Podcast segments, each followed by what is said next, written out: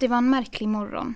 Jag tittade ut genom fönstret och såg genast att flera hundra skator hade samlats vid soptunnan utanför faster Nadjas hus. Om man nu kunde kalla det för soptunna.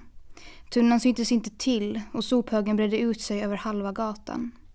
Vart man än såg fanns det näbbar, vingar och metallglänsande stjärtar överallt. Jag tror att hela Ålands alla skator hade kommit hit. De vandrade omkring och skrattade hest medan de betraktade soporna. De satt på staketet med huvudena ihop och pladdrade lågt med varandra. De allra modigaste skatorna trängdes på sophögen och gled ner som längs en rutschbana. Någon i grannskapet måste ha ringt efter sopbilen. Den brukade inte komma på tisdagar men nu rullade den sakta fram längs gatan så att skatorna fladdrade till med flera hundra vingar. Bilen stannade och backade mot sophögen.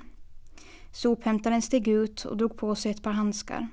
Han var retlig i humöret och bredde ut armarna som ett par stela krokar.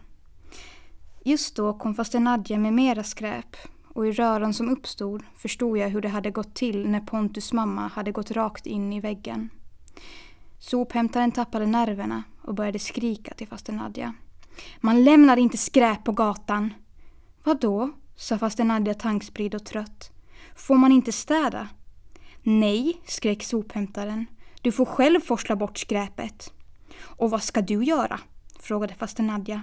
Ska du sända räkning? Det här var inte alls bra. Sophämtaren bet ihop käkarna och just då måste faster Nadja också ha märkt att hon var arg. Hur många gånger har du tömt mina sopor det här senaste året? skrek hon och hötte med en trasig klädhängare. Sophämtaren svarade inte. Tre gånger har du tömt.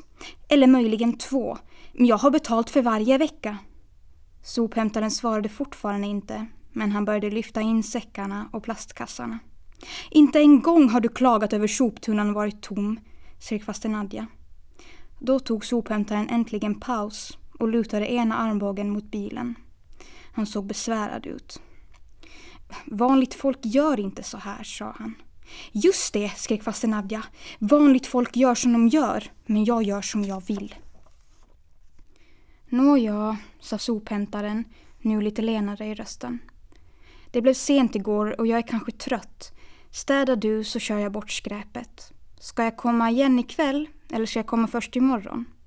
Kom imorgon, mumlade faster Nadja och det lät som hon hade tänkt börja gråta. Sopbilen rullade iväg och skatorna som hade suttit i träden runt om gled ner och hackade lite i resterna men gav sig snart iväg.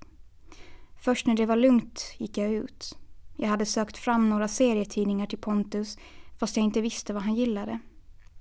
Jag mötte faster Nadja som kom med krattan och började städa upp runt soptunnan. Skatorna hade hackat sönder flera påsar och spritt ut skräpet. Hur är det med Pontus? sa jag.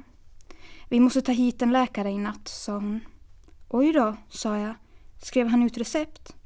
Jag tänkte genast erbjuda mig att cykla till apoteket och hämta ut medicinen.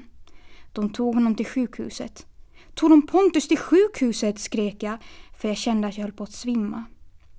Vi ringde efter ambulans och nu får jag inte tag på hans mamma, sa faster Nadja. Hon svarar inte i telefon.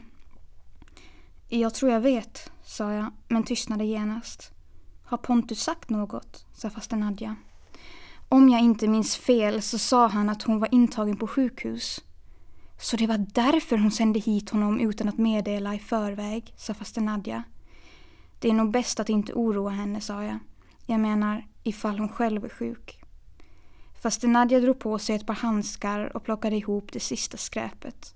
Hon proppade in det i plastkassar och knöt ihop. Jag ska ringa och fråga hur det är med honom, sa hon. Kom med. Vi gick in i köket men faster Nadja bara pratade och pratade. Hon kokade kaffe och sopade upp i tamburen. Hon berättade att hon en gång hade tänkt att ta sig en katt. Jag började tro att hon var chockad och därför inte vågade ringa till sjukhuset. Till sist stod jag inte längre ut. Ringer inte du så ringer jag, sa jag. Då slog faster Nadja äntligen upp telefonkatalogen och ringde. Hon fick vänta en lång stund i växeln för man sa att det var strejk och att man inte hade Pontus namn där. Jag blev naturligtvis orolig jag med. Men då knastrade det äntligen till i luren och telefonisten förenade henne till avdelningen. Där måste hon vänta länge och när hon äntligen fick prata med någon sa det att det var strejk och ingen kände till saken.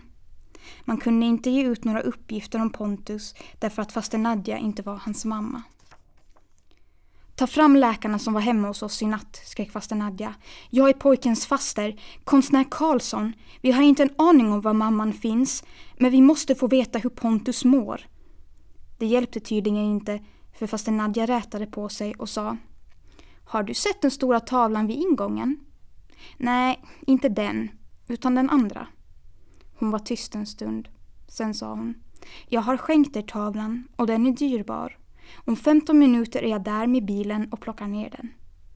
Då berättade sköterskan äntligen att Pontus hade vanlig halsfluss men blodet var dåligt och de vita blodkropparna alldeles åt skogen. Ja, sköterskan sa väl inte så. Det var faster Nadja som sa det till mig. De sa att han inte hade ätit ordentligt på länge, sa faster Nadja och tog sig för pannan. Jag undrar hur det är med Saga.